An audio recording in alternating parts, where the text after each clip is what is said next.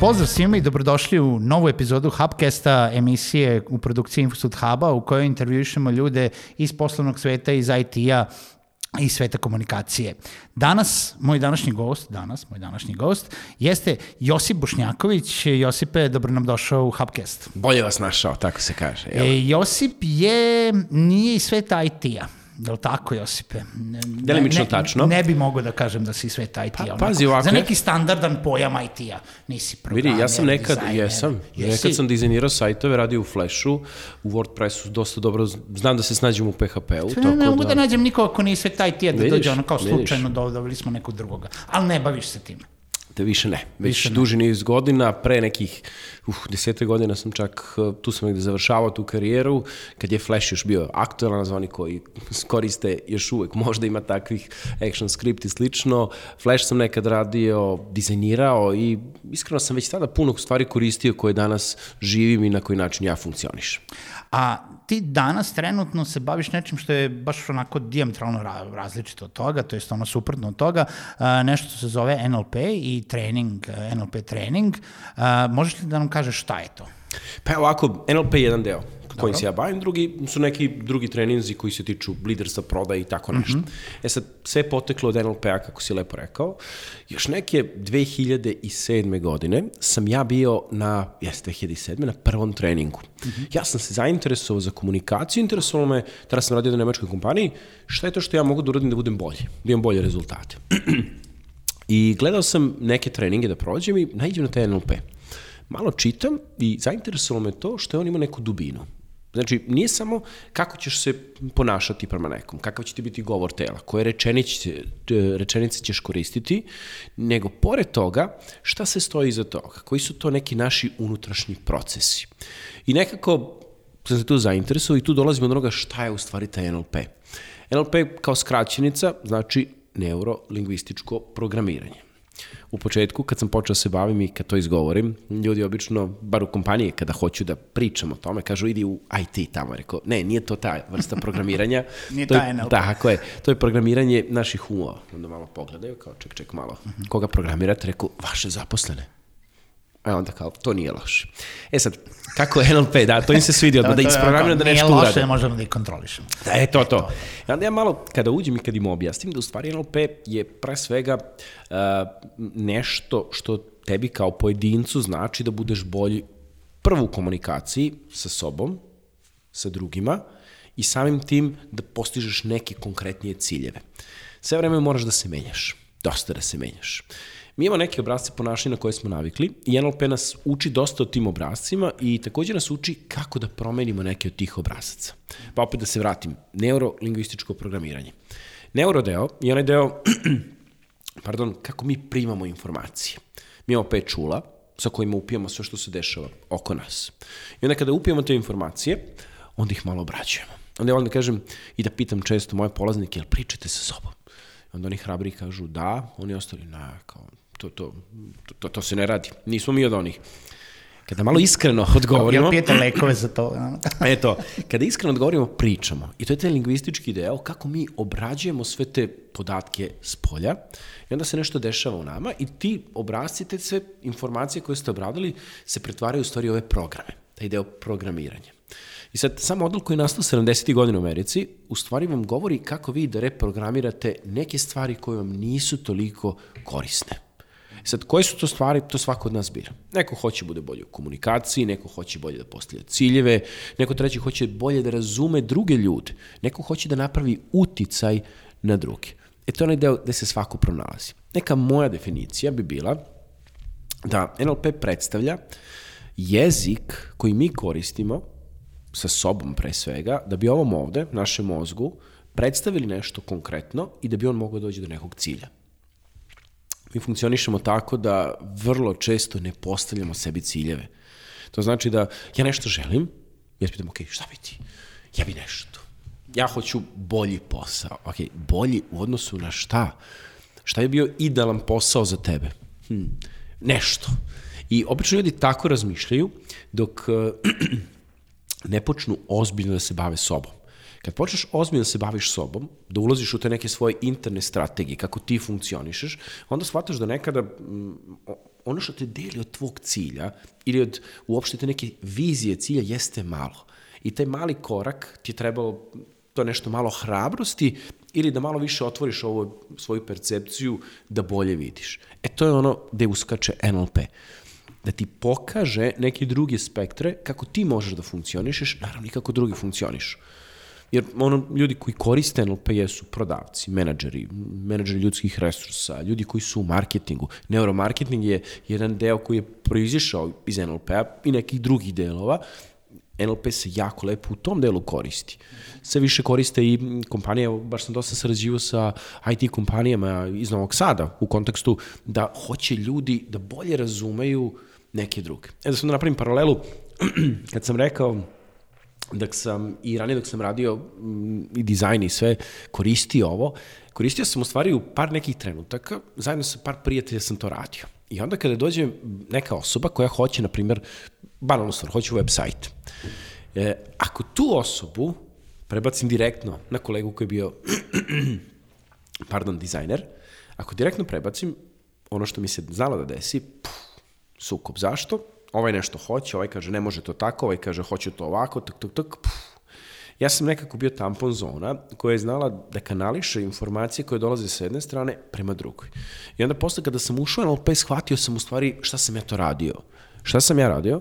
Bolje sam slušao ovu stranu i bolje ovu i razumeo ih kako hoće. I onda sam prevodio jezik jednog usera ka jeziku jednog developera, da kažemo, ili nekog dizajnera. I ba, faktički bio menadžer. Tako je, Ono tako što je najbitnije u celom NLP-u i ući ćemo još dublje u to jeste da za početak uh, u nekoj osnovi on je način na koji bolje možemo da komuniciramo kako sa drugima, tako i sa samim sobom. Tako je. Ono što je veoma bitno da znamo vezano za NLP, barem meni, pošto sam ja malo ušao u to, ali sam i svi mi smo izloženi razno raznim drugim temama, NLP nije nikakav um, religiozni, spiritualni, um, ne stojimo na travi, upijamo sunčeve zrake i hranimo Aha. se vazduhom, ono, ti dobijamo energiju i, i tako dalje. Nego je zasnovan baš na realnim uh, reakcijama i akcijama, jel da, zakonima fizike pod navodnicima, u nekom komunikacionom smislu gde uh, od uvek menadžeri, bolji komunikatori, što si ti rekao, bolji prodavci, se koriste, jel da, čitanjem govora tela, prepoznavanjem um, nekih ono, i, fraza i izraza Bravo. u govoru komunikacije. Jesam, jesam dobro. Sve. A nisam ni To je to, spreman. bravo. A, kako sam, ja Ja, pazi, nisam ni NLP razmišljao. To, NLP je nastao modelovanjem ljudi koji su bili dobri u nečemu. Konkretno, to su bila tri vodeća psihoterapeuta. Dalje, kako se razvijao vremenom, drugi NLP stručnjaci treneri su modelovali drugi. I dan danas mi, kad radimo sa našim polaznicima, oni modeluju neku veštinu koju neko dobro radi. I sve to je nastalo od ljudskih bića. E sad, e, da, NLP zna da se ono, pff, malo stavi neki veo mističnosti oko njega, iz razloga zato što u tom nekom početnom delu i dan danas imamo situaciju da imaš neku vrstu terapeutskog NLP-a i, da kažem, ovog eh, NLP-a koji je primjena u biznisu i za lični razvoj. Ja volim da kažem za sebe, ja sam na ovu stranu. Primjena u biznisu i za lični razvoj. Ja sam veoma pragmatičan, ja sam preduzetnik, ja sve ovo o čemu pričam volim da koristim za konkretne stvari. Kod mene nema ono da da pričamo, o, ja ne volim da koristim NLP tako, da pričamo o, o tim nekim puf, velikim stvarima i da smo svi negde, kako mi volimo da kažemo žargonski, visoko, ok, a šta je konkretno po pitanju toga? I kada radim sa ljudima, kada ljudi, pa bilo da dođu na treninge, bilo da je jedan na jedan, ja volim da kada radim sa njima, oni dobiju neku vrednost. Ne samo vrednost tu motivacijonu, jer motivacioni faktor je ok, znači motivisat ćemo se, ima puno motivacijonih govornika, oni su super. I isto tako, potrebno je da mi nešto radimo. Juče sam baš bio u jednoj kompaniji i radio sam neki trening, američke kompanije u pitanju. I priđe Amerikanac i kaže mi, e, posle mog treninga, priča sa ljudima i kaže, u smislu, e, ljudi, iskoristite ova znanja. Iskoristite to što ste dobili. Kaže on, ja sam slušao jako puno govornika. Imate ljude koji ono, naplaćuju 5, 6, 10 hiljada dolara za neki prodavni seminar, motivaciju. I svi budu super, i svi razumeju sve, i sve su to super stvari. A niko ništa ne iskorištava. I posle se ništa ne desi akcija. NLP nas uči da bez akcije nema ništa. Super su, e, mnogi filmovi imaju ti motivaciju, super da vi nešto vizualizujete. To je jedna fraza, jel, ta pozitivistička psihologija i ona jeste dobra. Samo stvari šta radiš sa tim što si ti napravio kao viziju. A koji je, pošto ti radiš dosta treninga iz NLP i to ti je primarni deo, ovaj, koji je uh, onaj proces ili koje je vreme potrebno da neko nešto smisleno primenjuje da bi to prešlo u neku podsvesno primenjivanje. Mm -hmm. U smislu da ja sad, ono, kao tehnike komunikacije, govore, prepoznavanja, pa sad ja tu gubim, ono, se prepoznajem šta si ti, zašto držiš ruke ovako ili ovako, ili kazao si, da, da, da, i da mi, da mi to prelazi, koji, koliko ljudi uopšte postigne to, da to podsvesno primenjuje i zapravo primenjuje i koji je period potreban za to?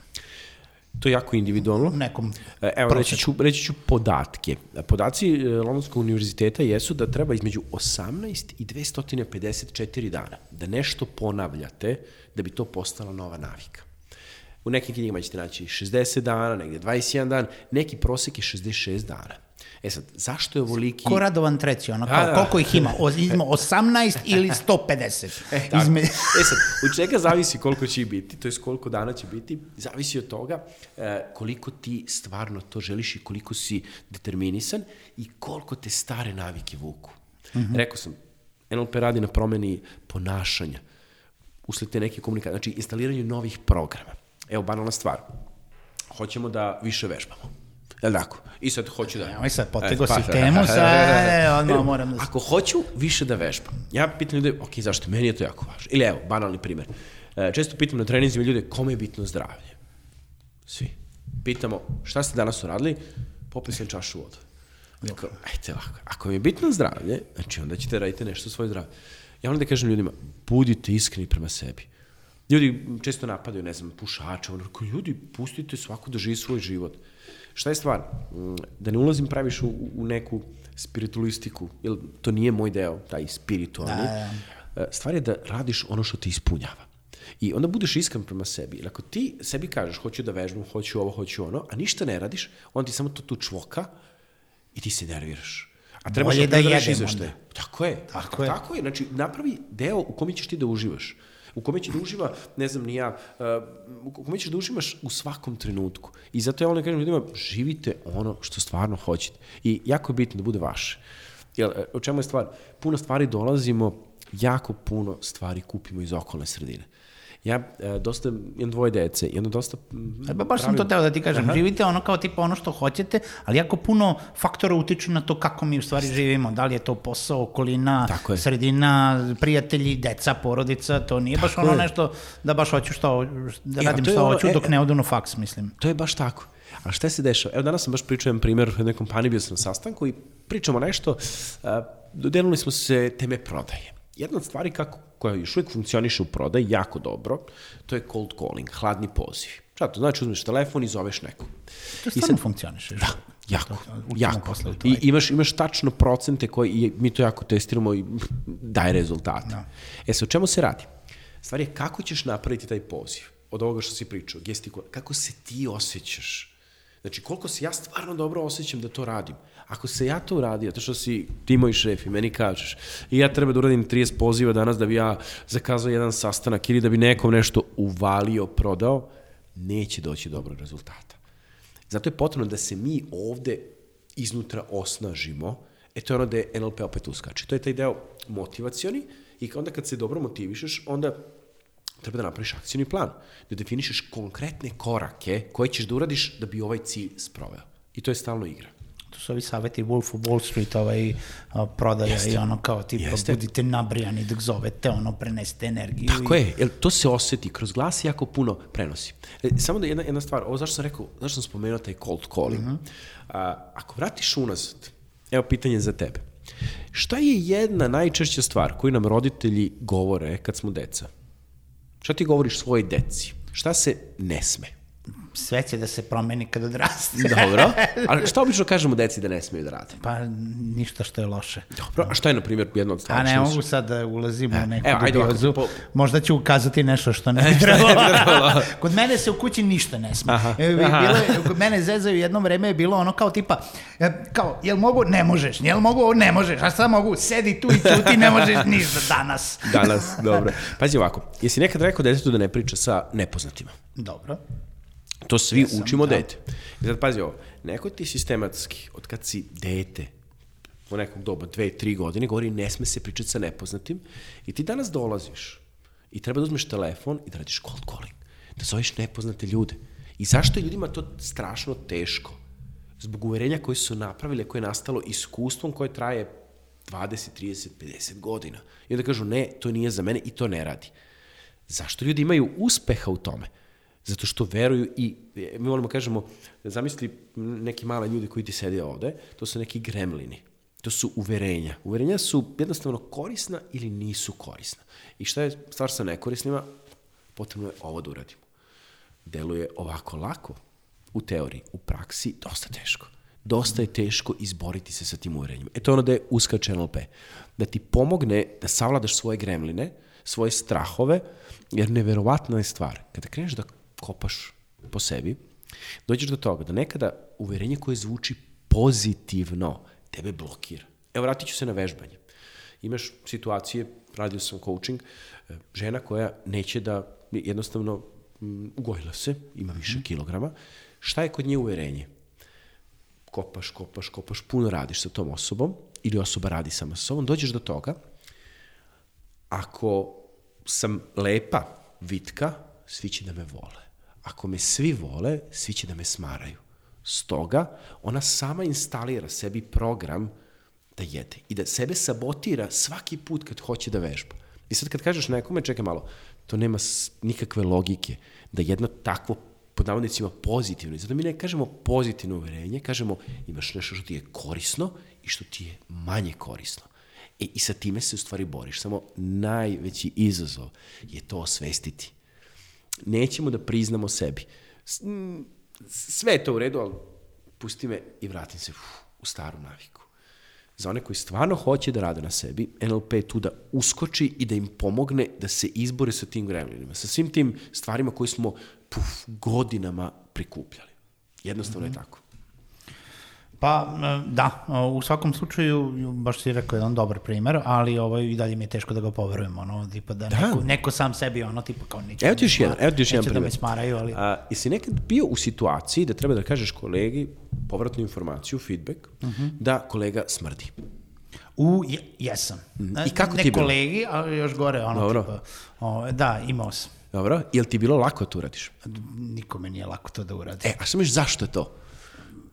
Pa, ne znam, zato što je dosta valjda teško da obratiš pažnju nekome na njegove, na, na ličnu higijenu, nešto što bi trebalo onda E, da sad, zna. e sad, zašto?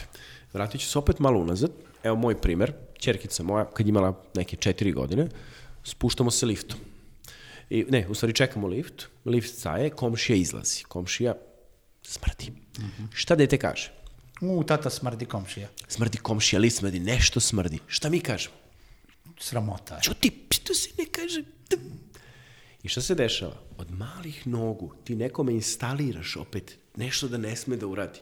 E, Svate sad koliko stvari u stvari smo mi pokupili. Pazi, ovo su male stvari koje su onako, koje sam ja osvestio, ja iskreno se trudim i puštam deci da budu slobodnija u tom nekom svom izražavanju. Zašto? Iz razloga kada za 20 godina, za 10 godina budu na nekim pozicijama počinjeli da rade, uopšte kada budu sa prijateljima, kada treba nekom nešto ovako da saopšte, da zamisle da će pomoći toj osobi. Jer uh, kod ovog, kad pričamo o povratnoj informaciji, on je jedan veliki deo NLP-a i dam uvek primer da na treningu jedni drugima treba da kažu, da zamisle tog nekog kolegu ili poznanika, da mu kaže da se oseti. Ljudima je teško na treningu, u veštačkoj atmosferi, da, da šta ću to. reći, da... E, zašto? On će se naljutiti. Ali nije on kriv. To je uh, jednostavno poremeće. Evo, rekao, ljudi, nije stvar da vi razmišljate o njemu. Razmislite o benefitima koji će čovek da ima kada to uradite. Ako je vaš cilj, opet, znači ako ti nije cilj, kao i malo pre, ono čemu smo pričali, ok, ti to stavi sa strane. Kažu ljudi, šta to, ja sad treba da idem Ali kako ulicom. znaš da će recimo ta osoba imati benefit od toga? Na primjer, možda je možda će biti osramoćena, Možda. jel da, o, možda, možda, A možda šta je najbolje može što može da se promeni. desiti? Šta je najbolje što može se desiti? A najbolje što može da se desi jeste da ono kaže hvala, pripazit ću na to, to je najbolje. E, naša je stvar, naš mozak funkcioniše tako da prvo razmislimo o negativnim stvarima. To su neki naši, mi ih zovemo meta program. A to dobro, su, to je ono zato što gledam sve, što, sve moguće reakcije Tako je. i onda Ali od čega gledam od kreneš onih prvo? najgori. Da li si rekao sebi, ej, čovječe, pa možda ta osoba bude ono stvarno super zbog toga. Možda ta osoba se osjeća jako dobro zbog toga. Možda ta osoba nađe drugi posao. Možda ta osoba postane direkt. Gde, Možda ta osoba... gde mogu da smrdim, to hoćeš da kažeš. Ali to, je, ali to je... Pazi, Nema, ako je poremećaj, stvar, znam, vidi ovako, nešto mi volimo kažemo. A, kako je Šekspir rekao, događaj po sebi sami nisu ni dobri, ni loši. Mi im dajemo značenje. E sad, ili onaj drugi Pa, i, sagovornik. ali on, pazi, ali to je to. Pa, e, ja volim da kažem ljudima, preuzmite rizik za vaše postupke. Znači, kada dobijete alate na NLP treningu, ja vam ne garantujem da će sve da radi. Od čega zavisi jako puno od vas. Da. Ujh, pa rekao, ne postoji trening koji će vam dati za u B, u C, u D. Ne postoji za, zato što imaš F, imaš G, imaš M, imaš puno drugih faktora koji bombarduju sve te situacije. Što si ti fleksibilni, što više iskustva praviš, što si spremni da dogovoriš, kako mi molimo kažemo, na, na percepcije drugih ljudi, ti ćeš moći da imaš bolje rezultate. Ali do sad smo pričali o tome kako NLP može da pomogne nekome ko mm. želi da razbije neke navike, ko želi da bude da se oslobodi u komunikaciji, ako je introvertni, ako ne zna da komunicira i tako dalje. Uh, šta je sa onima koji već znaju dobro da komuniciraju? Na koji nivo njih NLP može Njima da ćemo da uništimo komunikaciju. Jednostavno, neko ode u krajinu, šta sad? Ne, ne, da li postoji nešto ono kao tipa ja već dobro komuniciram, ali želim onu totalnu moć nad drugima, jel da, onaj, onaj superhuman ovaj, percepciju da ja mogu da nateram druge ljude da rade šta god hoću da rade. Ono. Da li se NLP može poistoveti sa hipnozom? Da li možemo da otkrivamo kao u onoj seriji Liar, Liar, onaj, ono kao Lie tipa tačno, Lie to me jeste u stvari. Ovaj, Podigo je da, levu obrvu, Levu obrvu. što znači da je on lagao da je bio na mestu zločina u 14.50. Ako Leva obrva a- znači da je bio u 14.30. E, Haha! Ako je zagrezao usnu, onda je... Da, da, da. E ovako, prvo hipnoza, pa ću onda ovaj deo. Da, dobro. A, što se tiče hipnoze, jedan deo NLP-a ima veze sa konverzacionom hipnozom, zato što spomenuo sam tri osobe koje su modelovane da bi nastao NLP model. Mm -hmm. jedan, jedna od njih, jedna od tih, te tri osobe jeste Milton Erickson.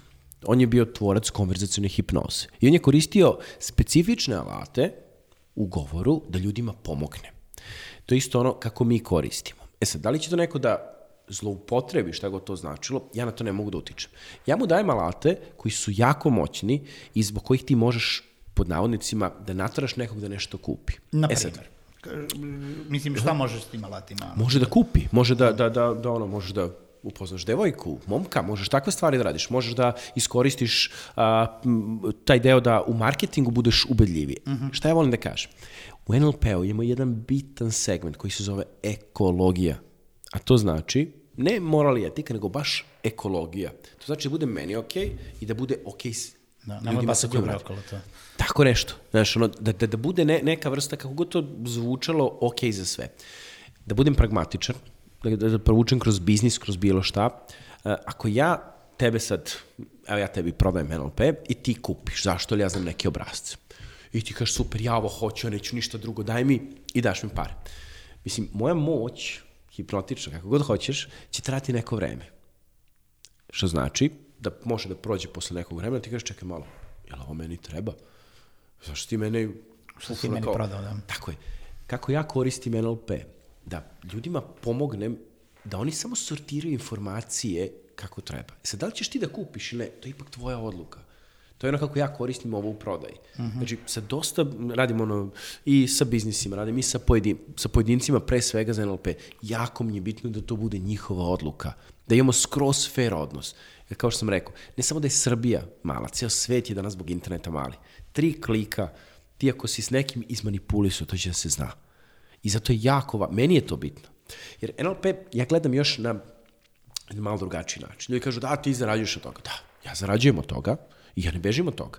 I pored toga što zarađujem, Totalno legitimno. tako je, ja ovo koristim da svi ljudi koji dođu formulišu svoje ciljeve. Da oni šire dalje.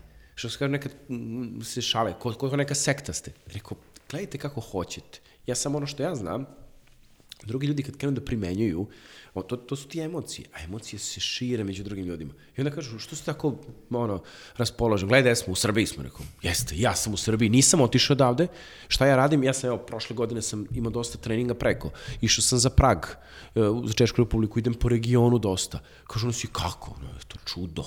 Zato što kolege sa kojima sarađujem sa iz NLP centra, oni jednostavno su imali viziju i koriste baš NLP veštine da naprave nešto više. E, i to je ono kako u stvari NLP funkcioniš. Potrebno je da ti veruješ. Tako da hipnoza kao takva ti možeš ono fu, na filmovima što gledamo, ja ne znam to da radim i ne koristim na taj način. Govor tela. U NLP-u imamo nešto što volimo da zovemo kalibrirati. Onako, izraz koji je došao, ja sam ga koristio pošto sam studirao medicinu i išao u srednju medicinsku, uh, ja sam to koristio u hemiji. Kalibrirati aparat znači dovesti ga na neku nultu fazu. Ti vjerojatno znaš, evo imaju ove spravice, ili tako, za, uh -huh. za, za zvuk i ostalo, vjerojatno one mogu da se kalibriraju. Kako mi kalibriramo? U NLP-u je potrebno da povežeš više stvari koje ti radiš u kontekstu govora tela. Znači, nije dovoljno kažem, znači, ono igra ti obrva, jel, samo tako, pa zbog toga znam da si ovakav ili onakav, nego je potrebno kažem, igra ti obrva, ti se pomeraš, glas ti postaje, gubiš glas, što meni govori da si ti možda u stresu. E sad, možda. E, možda.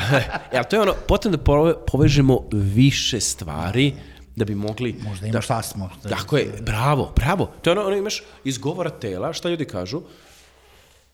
Ovo je defanzivni stav.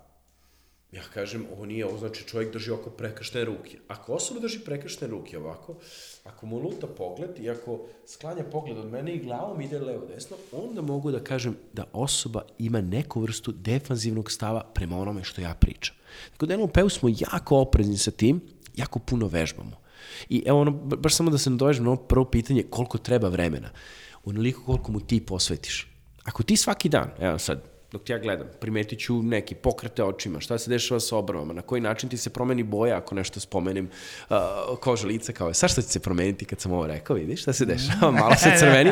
Sve te sitnice ja mogu da promenim, da, da primetim i da primetim Željka koji je sad ovakav i Željka koji je ušao pre 20 minuta, pola sata. Totalno zadihano od ovih stepenica od eto, I ja onda napravim kalibriranje dva stanja. I onda znam da li se nešto kod tebe promenilo. To ja koristim kroz NLP u poslovnim razgovorima, u prodaji, u marketingu, u bilo kom segmentu gde ovo stvarno može da dobar rezultat. Mhm. -huh. I sad pomenuo si, moram da se vratim tri koraka unazad, pošto ja znam, evo sad pričali smo, bio si IT-evac, pa si studirao medicinu. Ja za fakat znam da si ekonomista. Ima svašta. Josipe. E, to, to, stvarno istina ono što kažu ovaj tipa oni ko, koji ne uspeju nigde odu u prodaju. A? E, pa tako nekako. Tako sam i ja otišao, da ispade. ono tipa u prodaju i u, menadž, da. i u management. Kako to medicina, pa da. ekonomija, pa, pa IT, pa uh, Ovako, ja sam išao u srednju medicinsku školu, Dobro. otac lekar. Aha, dobro. Šta će biti? Evo ti, ono, sve što sam pričao, ono u prošlosti se dešava, šta se desilo, otac lekar i neko srednje medicinske upisuje tu medicinu, I lepo je bilo ono, lepe su bile medicinjade, žurke, sve to bilo lepo, međutim nisam se ja baš tu snašao. E, posle sam radio u Zavodu za transfuziju krvi, tu sam vrlo brzo počeo radim kao laborant i vrlo brzo sam uh, ušao u službu marketinga, vrlo brzo počeo da vodim tu službu i tu sam imao prvi dodir sa edukacijama. Uh -huh. e, tu sam počeo da radim sa volonterima Crvenog krsta i to mi se jako svidelo. I kroz taj neki vid edukacija, jedna, druga, treća, posle kad sam otišao iz zavoda, upoznao se sa NLP-om i tako se nekako nastavio moj put. E sad, vratit ću opet malo unazad u četvrti srednje. Ovo je čisto moja priča koju volim da pričam. A to je da sam u četvrtom srednje uh, ima nešto za dan maturanata u srednjoj medicinskoj i za taj dan uh, maturanti dobijaju šansu da drže neki predmet. Ja sam se izborio da držim biologiju. Zašto ne znam? Ali ono, šta sam uradio? Matursku košulju, dedin sako, aktorbu, sve sam se ja profi pripremio, čak smo dobili olovkama da upisujemo ocene. Ja sam posle toga se osjećao fantastično. Dođem kući, kažem to, roditelji mi kažu, profesor, znaš ti kolike su njihove plate? Šta će ti to u životu? I onda kažeš ti, dobro. Zašto? Zato što slušaš autoritet koji ti u tom trenutku i prikupljaš. I trebalo je vremena da ja ono puf, se slobodim i kažem šta je to što hoću da radim. Vidi, da bili su malo u pravu da si otišao u prosvetu, pa, ne bi se proslavio. Ko zna, znaš ono, ali pazi, ja kažem ljudima, šta ja radim danas? predajem. Jeste, Držim ali treninge ovo nije- interaktivne. nije ta prosveta, Jeste, mislim, nije ta ono. pro, ko zna kakav je bio ono, profesor, učitelj, mislim, i Možda. tu bi možda bi se ne, ne, ne pokazao. Poenta je da ljudi koji dođu na NLP su stvari ljudi koji hoće, nisu zadovoljni sa nečim što se dešava i sad onda ili ho, šta im ja kažem? Ljudi, ne znači da to treba svi da napustimo posao, svi budemo preduzetnici. Nije ni svako za preduzetnika. Izborite se sa sobom ovde. Postavite cilj. Šta je to što vi stvarno želite? Neki ljudi stvarno vole, iako su uspešni u korporacijama, vode timove. Neki su uspešni kao prodavci. Imamo, imamo polaznike koje, jednu polaznicu uh, radi u jednoj banci i ona koristi ovo za prodaju. Ona razbija prodaju. Već četvrta ili peta godina je najuspešniji prodavac. Išla je Meksiko, Barcelona, ne znam da se koja putovanja ne dobija. I ona, i ona su, i, i to je ono što nju pokreće. E, to je super stvar. Kad iskoristiš sve te veštine, da budeš tu gde jesi. Ne, ne da, da, da živiš tuđi san. Često ljudi mene vide, ono kao, a, ti vidiš, ti zarađuješ, ti si ovakav, ti, ti, ti tu se staneš, nešto pričaš. Ja rekao, ljudi, prvo svi koji dođu kod mene na treninge znaju kakav sam, a to je da delim znanje šakom i kapom. Od literature preko nekih sitnica, nekih svojih zapisa, eh, svojih agendi treninga, sve dajem trenerima ili ljudima koji hoće se baviti treninzima. Zašto? Zato što sma, to je onaj moj deo NLP-a, gde ja smatram da svako to, ako iskoristi, sve će biti još bolje. E, Caka je, to sam upoznao davno kada sam ušao neki svoj startup i, to, i, ta, i tamo sam bio i, i to sam bio pokrenuo. Ovaj, tu sam shvatio da ta energija, to što ti nosiš kad nešto pokrećeš, to niko ne može drugi da ti uzme. I to, to se jako teško kopira. I zato je potrebno da ljudi kroz NLP definišu stvarno svoje ciljeve i da to žive, to što oni hoće da rade. Da li NLP može nekome da mislim da ga nauči, da mu dodeli, da mu otvori pogled ka tom nekom pozitivnijem stavu? Ili neko to mora prvo da dođe do pozitivnog, jer mislim, kroz sve što smo rekli o NLP-u, kroz toga da mi svi radimo i živimo u Srbiji gde e, je postoji jedna čitava generacija koja ima kredo sve je sranje za uvek. Mislim, to je ovo, ova, Jasno. e, milenijalci i ostalo. A, da li, a opet nekima od nas je sasvim ne, neću da kažem sasvim dobro, ali nije tako loše da e, ono, sam u bedaku svaki dan. Da li to mogu da dobijem kroz NLP ili to prvo moram da nađem, pa da onda NLP me dovede do tih nekih ličnih ciljeva, bolje komunikacije. I... Ja, ja ti to neću obeći, ne tebi, bilo kome. Zašto? Imam ljude koji mi dođu na trening da pokažu da to ne rade. I da će mi platiti, puf, evo ti, ja ću ti pokažem kako ovo ne funkcioniš. Hvala ti na parama i hvala što si pokazao. Mislim, nisi meni pokazao, pokazao si sebi. Većina ljudi koji dođu, većina, 99,9%, to je jedan, dva primjera, možda imaš takvih, će da dobiju maksimum od onoga što im NLP daje. Ono što može da uradi NLP, što definitivno uradi, to je to otvori. Dajte neke poglede koje do tada nisi imao. I to je onda ono, i, i zašto? To što uh, ja ih dosta izvodim iz zone komfora. Dosta pričamo i dosta ono floskula, jel, zona komfora, to je nešto kao ovako, onako. Ja stvarno izvodim ljudi iz zone komfora. E, šta radim? Kažu ljudi, kako ja da koristim ove jezičke obrazce, ja nisam u prodaju. Nisi? Rekao, dobro. Ja ne mogu zbog... Ne, dobro. Pošto radimo tako da svaki modul ima neko vreme da se testira u praksi, pa onda na sledećem pričaju. I rekao, tako, dobro, ajde sad ustanite. I onda oni ustanu, ostavite telefone sa strane, ostavite telefone. Novčanike ostavite sa strane. Novčanike ostave. Da vidimo ima neko nešto u džepovima, nema. Evo ovako, ti ideš napolje da mi doneseš kiflu iz lokalne pekare. Kako? Hoćeš koristiti jezički obraz, ćeš ovo, ne interesuje, donesi. Ti, treba da mi nađeš tri broja telefona ženske osobe. Oh, ja sam oženjen, ja sam udata. Rekao, vaša stvar. Svi budu besni ovako, onako, odu. Sad onako ima, imaš tu imaš malo cake, iskoristiš to u smislu da oni tako nešto urade, onda utiču jedni na druge, ajde sad neću, meni je glupo, više ovaj je krenuo, onaj je krenuo, ajde idem ja. Šta se desi kad se vrati? 90% njih uradi zadatak. I kažu, "Uf, brate, pa šta je ovo? Rekao, to mi pričam, to su vaši ciljevi kad krenete radite na njima. Dobro, zapravo nisi nikog posla da orobi pekaru ili da... Ovaj, Nisam rekao da orobi, ja sam rekao mi donesu nešto. Ja, da dobro, li će ali mislim, ukrasti? on ti- Da li će ovo... to ne utičeš ti. Ko jel? je? Bravo. Ja hoću, znači, šta je stvar?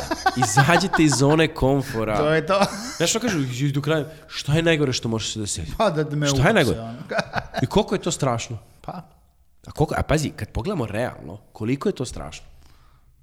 pa zavisi kako gledaš. Ajde, ajde, reći Mislim, nakon... Strašno je, brate. Strašno je dobro. A ima nešto strašnije od toga u životu? Pa ima. A ima, znači. A znači onda ovo nije toliko strašno. Aha, e vidiš kako... Iza... Dobro, to su doze, Ja, a, doze a to ti strašnosti, govorim. Znači, da ovo su, ovo su setovi pitanja koje ja koristim na treninzima, koje učim polaznike da izazovu sebe. E sad, stvar je što nećeš uvijek da izazoveš sebe. Nećeš uvijek da pričaš sa sobom ovako, onako, nego hoćeš da budeš zoni komfora, da je lepo, da te svi tutkaju. Tu nema vrhunskih rezultata.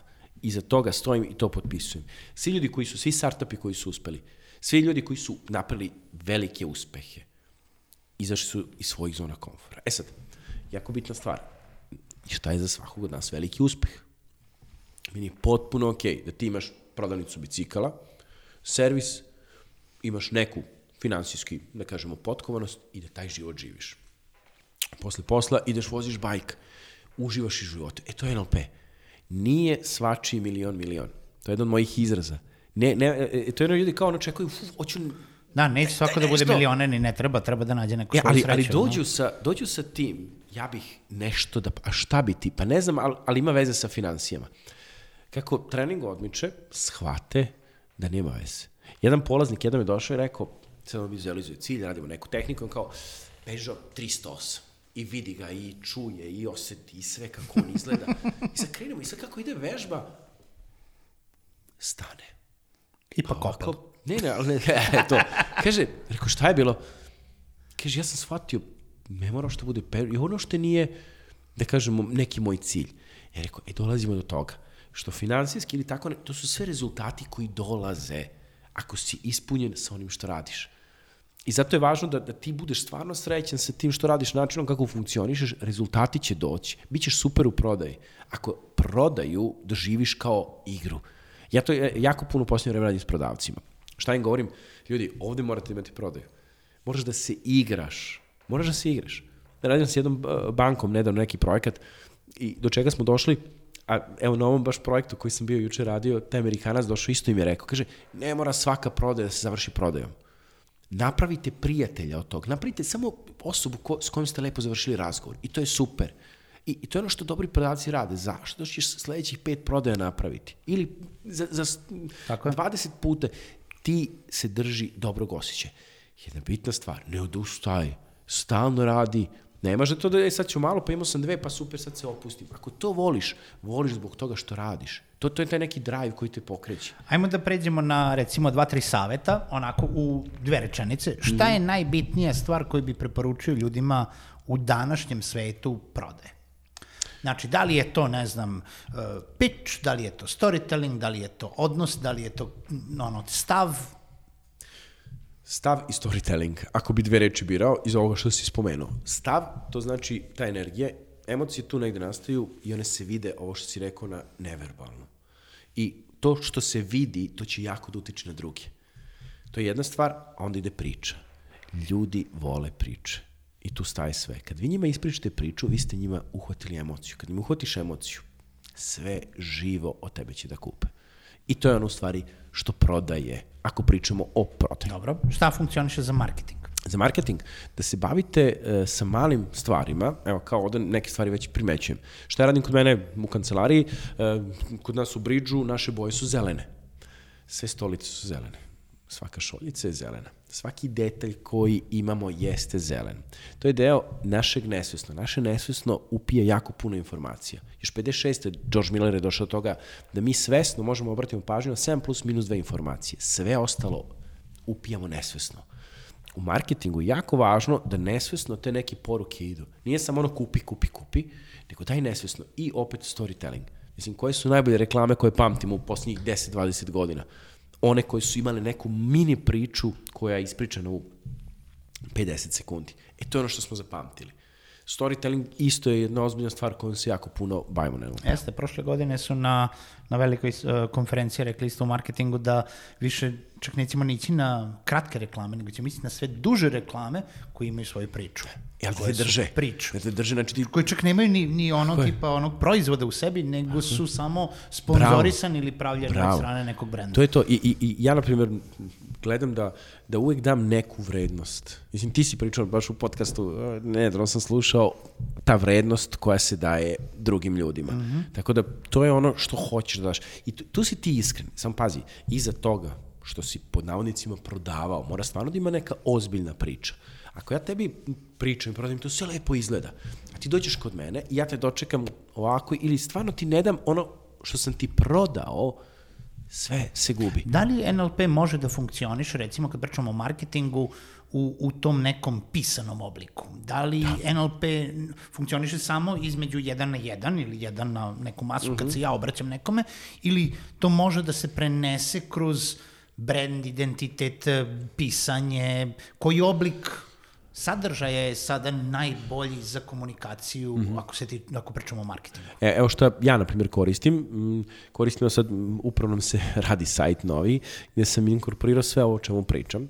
Od tih nekih pozicioniranja do rečenice do copywritinga, pa preko nekih gamifikacija koje su opet povezane sa NLP-om kroz deo kako mi funkcionišemo, da držimo budnu ona, ovaj mozak da nešto očekuje. Tako da su, to su sve sad kombinacije koje je potrebno zajedno spojiti da bi dali najbolji rezultat.